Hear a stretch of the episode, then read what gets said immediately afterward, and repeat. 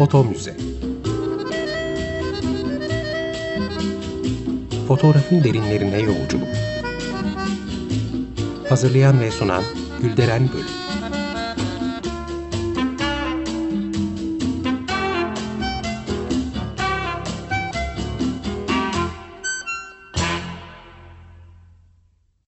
Merhaba değerli dinleyiciler, fotoğraf tarihçiniz ben Gülderen Bölük. Yeni bir yılda ve yeni bir programda yine bir aradayız. Bu vesileyle de hepinize ve ülkemize hayırlı, mutlu bir yıl diliyorum. Ee, umarım siyasetinden ve ekonomisinden yorgun düştüğümüz Türkiye tablosu geride kalır. Ve dilerim ki sadece bizden olanları değil, herkese hoşgörüyle yaklaşacağımız, hatta insan dışında dünyadaki her bir yaşam unsuruna saygılı olacağımız, o yoksa ben eksiğim gerçeğini idrak edeceğimiz bir yıl olur. Evet, bugünkü programımıza yine destekçimiz Sayın Kerem Uzel'e teşekkür ederek e, başlayalım. Sağ olsunlar. Yine eskilerden Amerika kıtasından başarılı bir kadın fotoğrafçıyı seçtim bugün. Imogen Cunningham. Cunningham fotoğraf çalışmalarıyla sadece Amerika kıtasında değil tüm dünyada öne çıkan, ufuk açan önemli bir isim. 1900'lerin başında fotoğraf gruplarının oluştuğu zamanlarda önemli fotoğrafçılarla bir araya gelmiş, fotoğrafa yön vermiş kişilerden biri. Onun en çok soyuta kaçan çiçek detayları akla gelir ama aynı zamanda nüleri de önemli. Yanı sıra sokakta yaptığı çekimler kadar endüstriyel manzaraları ve portreleri de bir o kadar değerli.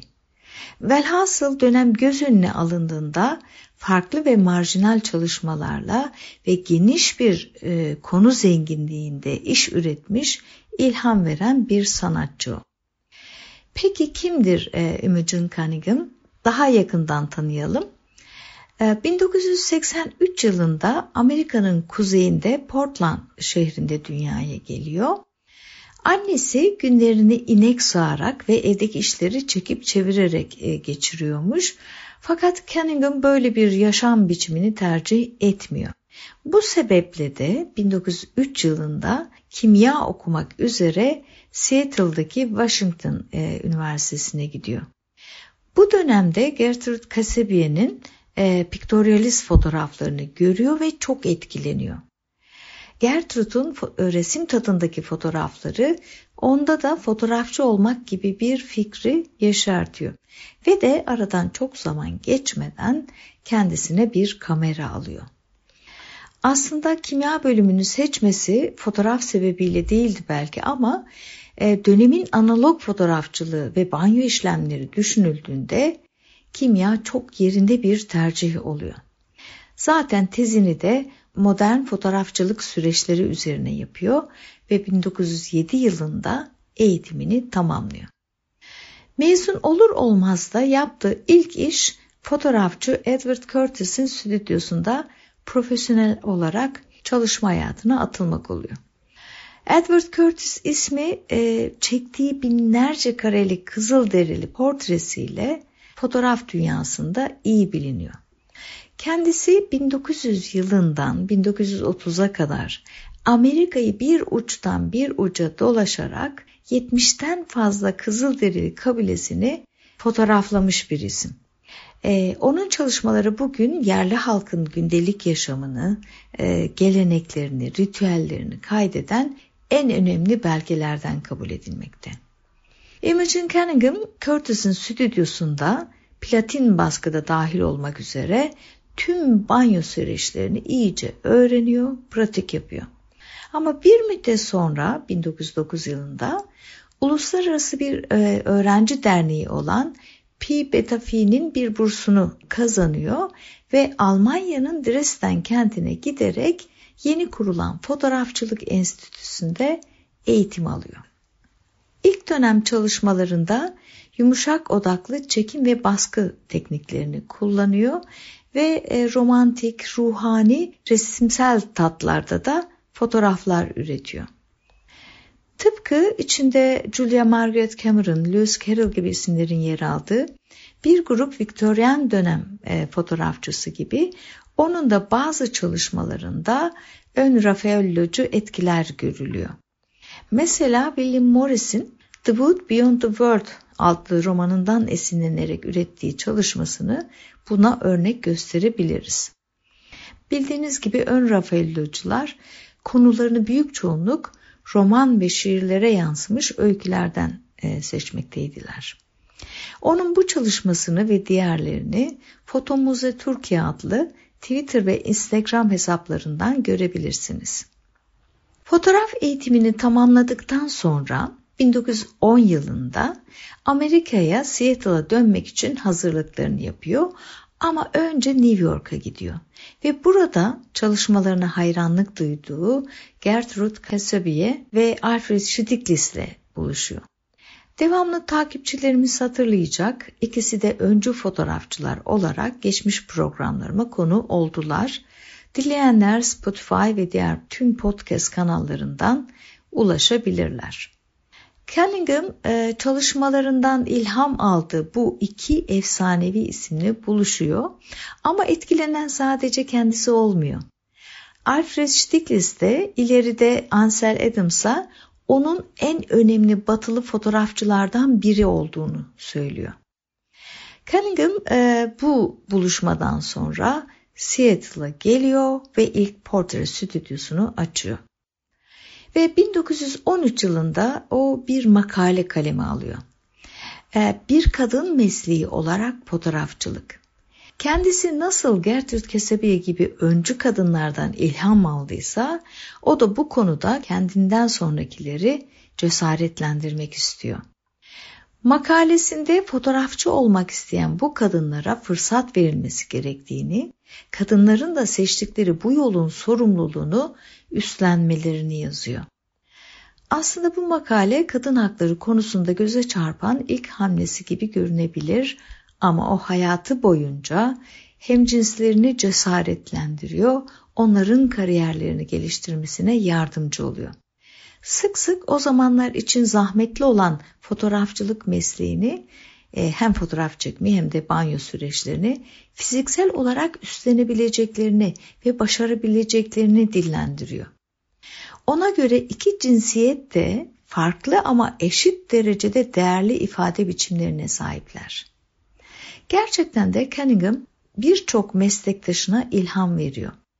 Mesela Afrika kökenli Amerikalıların fotoğraflarıyla tanınan yine Amerikalı fotoğrafçı ve yazar Consuelo Kanaga onun için o fotoğrafçılıkta tanıdığım en harika kadındı.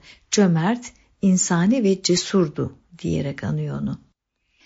Özellikle kadın özgürlüğü hareketinin yoğun yaşandığı 1960'lar ve 70'ler boyunca birçok kişi onun fotoğrafı bir meslek olarak seçmek isteyen kadınlara ilham olduğunu kabul ediyorlar. Bir yerde de şöyle diyor. Kadınlar bu mesleklere girerek erkeği geçmeye çalışmıyor. Onlar sadece kendileri için bir şeyler yapmaya çalışıyorlar. Ve Cunningham 90 e, yaşına geldiğinde artık feminist çevrelerde ikonik bir sanatçı olarak görülüyor. 1914 e, yılında ressam ve matbaacı Roy Partridge ile evleniyor ve bu evlilikten de e, ikizleriyle beraber toplam 3 çocuk e, dünyaya geliyor. Ama 1914 e, yılında doğan ikizlerini San Francisco'da dünyaya getiriyor Cunningham. Çünkü çift doğumdan önce oraya yerleşiyor. İkizlerden Rondal Partridge'in de ileride fotoğrafçı olarak hayatına devam ettiğini belirtelim. Çünkü fotoğraf onun için elleri ayakları kadar tanıdık, yürümek kadar basit bildik bir uğraş. O 5 yaşından itibaren karanlık odada annesini izleyerek ona yardım etmeye çabalayarak geçiyor ve böyle bir ortamda büyüyor. Ve de Ansel Adams, Edward Weston, Dorothy Lang gibi fotoğrafın dev isimleri onların gündelik yaşamlarının bir parçası. E, Rondal'ın ifadesine göre o zamanların fotoğrafçıları hem azmış hem de birbirine sıkı sıkıya bağlılarmış. Ayrıca rahatlıkla kameralarını değiş tokuş edebiliyorlarmış. Tekniklerini, karanlık odalarını paylaşıp birbirlerine hikayelerini anlatıyorlarmış. İkizlerini doğurmak üzere San Francisco'ya taşındı dedik. E, burada fotoğrafçı e, Francis Joseph Bruguiere ile çalışmaya başlıyor. O da ilginç bir portre.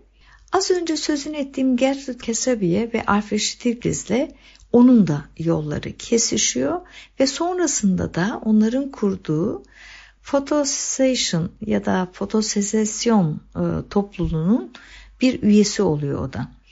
E, tekrar vurgulayacak olursak bahsettiğim bu üçlü ve birkaç önemli ismin oluşturduğu e, Fotosesesyon adlı grup daha resimsel tatta işler üretmekteydiler. Cunningham zamanla yumuşak odaklı e, soft görüntülerden uzaklaşıyor ve keskin hatlara sahip fotoğraflar çekmeye başlıyor.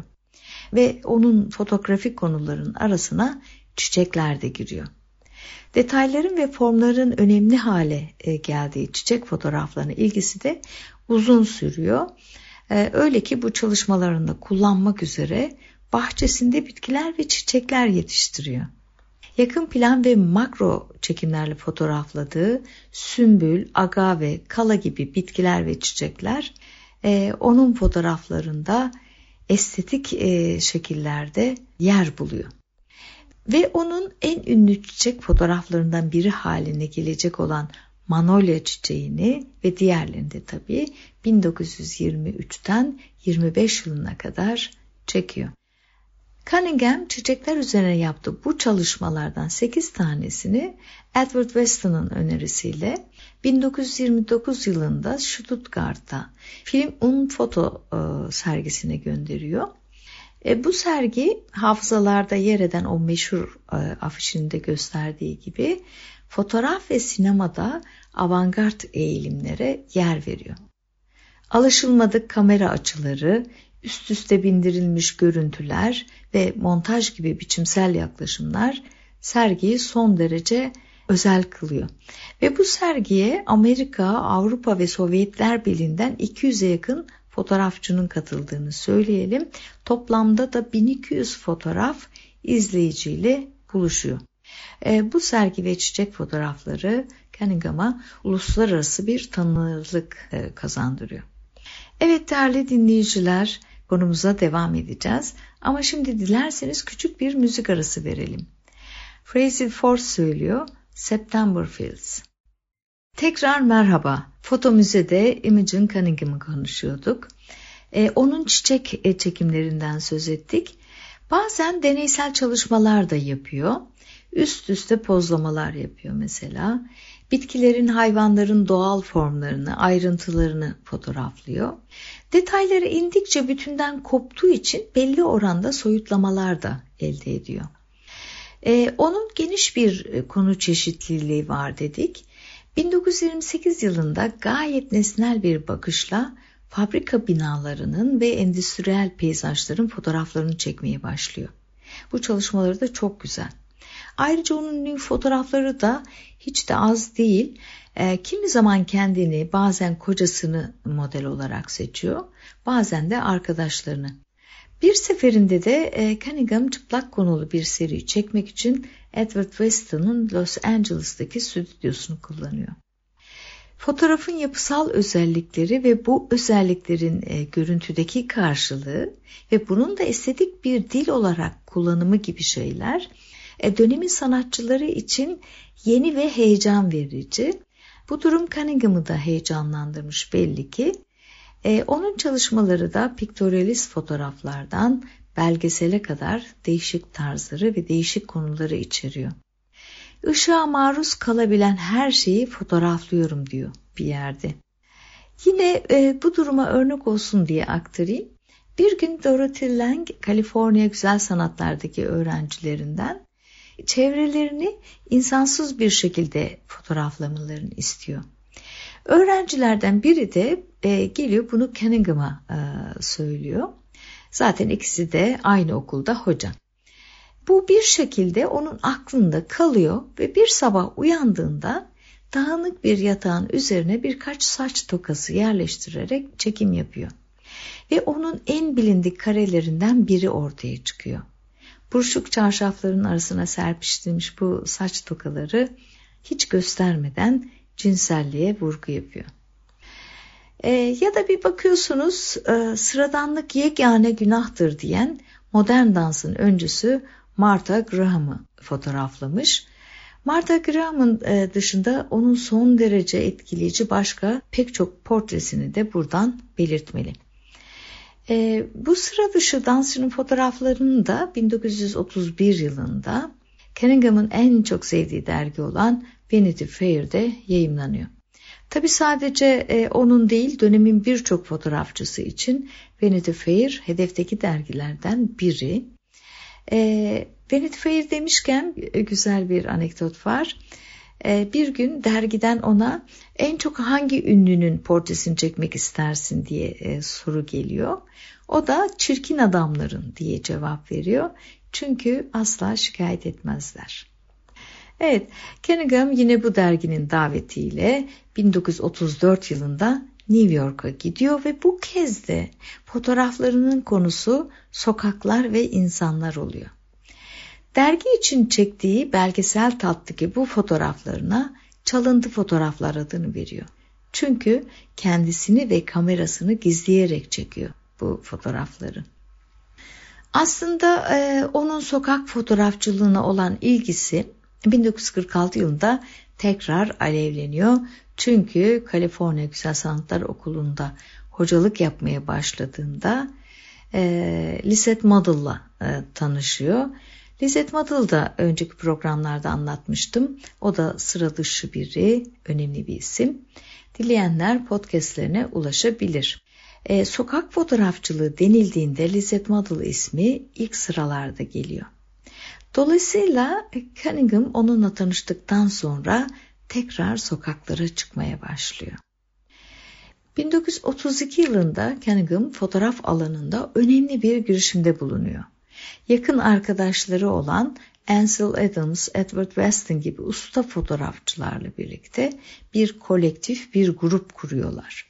Bu grubun adı da F64 oluyor. 20. yüzyılın önemli fotoğraf hareketlerinden biri kabul edilen F64'ün adı aslında grubun manifestosunda özetliyor bir anlamda. Çünkü F64 ile kastedilen en kısık diyafram aralığı. Ne kadar kısık diyaframla fotoğraf çekerseniz sonuç olarak ortaya çıkan görüntü de o kadar keskin oluyor. Yani kameraya en yakın nesne de en uzaktaki de net çıkıyor. Basit bir optik kural. E, hatta günlük yaşantımızda net görmek çabasıyla gözümüzü kısmamız da gayri ihtiyari böyle bir beklentiyle oluyor.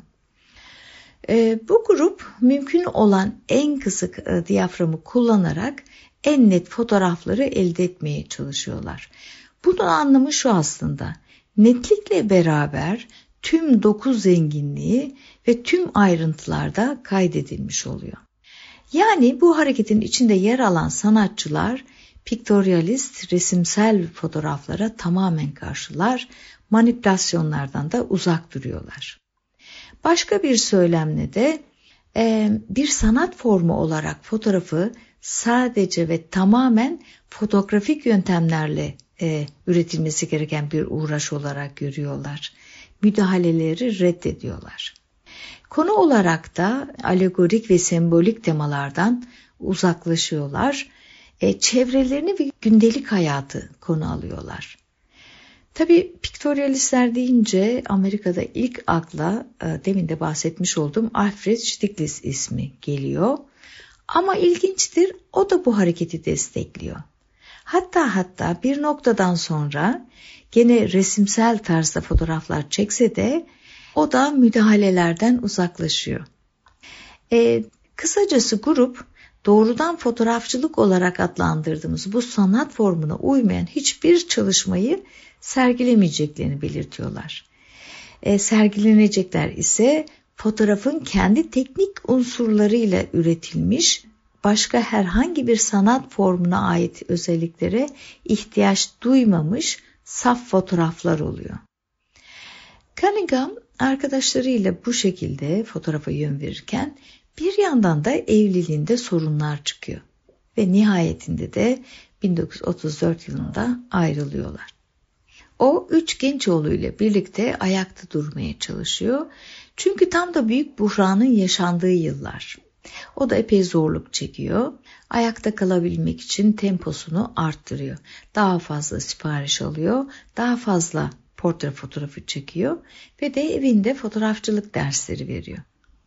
Cunningham 1960 yılında makinesini alarak tüm Avrupa'yı dolaşmaya çıkıyor ve burada August Sander, Paul Strand ve Man Ray gibi usta fotoğrafçılarla da tanışıyor. E, Amerika'ya döndükten sonra Vietnam Savaşı'na da karşı biri olarak genelde boynunda barış e, işareti taşıyan hippilere özel bir ilgi gösteriyor ve onları fotoğraflıyor.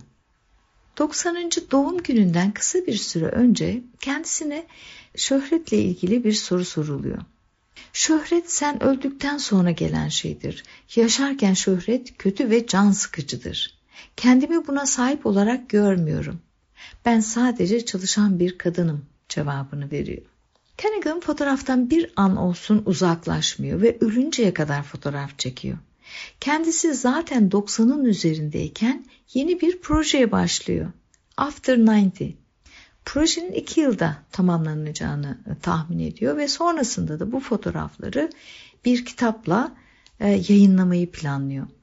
Ve bu serisi için ileri yaştaki insanları evlerinde, hastanelerde ve manastırlarda bulup fotoğraflıyor. Cunningham 24 Haziran 1976 yılında hayata gözlerini yumuyor. Ama bu çalışmaları kitap olarak ertesi yıl yayınlanıyor. Evet sayısız eser üretmiş, pek çok yerde sergiler açmış, hocalık yapmış, fotoğrafa yön vermiş, fotoğrafları müze arşivlerinde kıymetli bir yer bulmuş bu üretken sanatçı, ailesinin ve arkadaşlarının bağımsız bir ruh olarak tanımladığı bu sıra dışı kadın fotoğraf dünyasında derin izler bırakarak hala birçok kişiye ilham olmakta. Evet değerli dinleyiciler yine bir programın sonuna geldik. Tekrar buluşuncaya dek kendinize iyi bakın, hoşçakalın.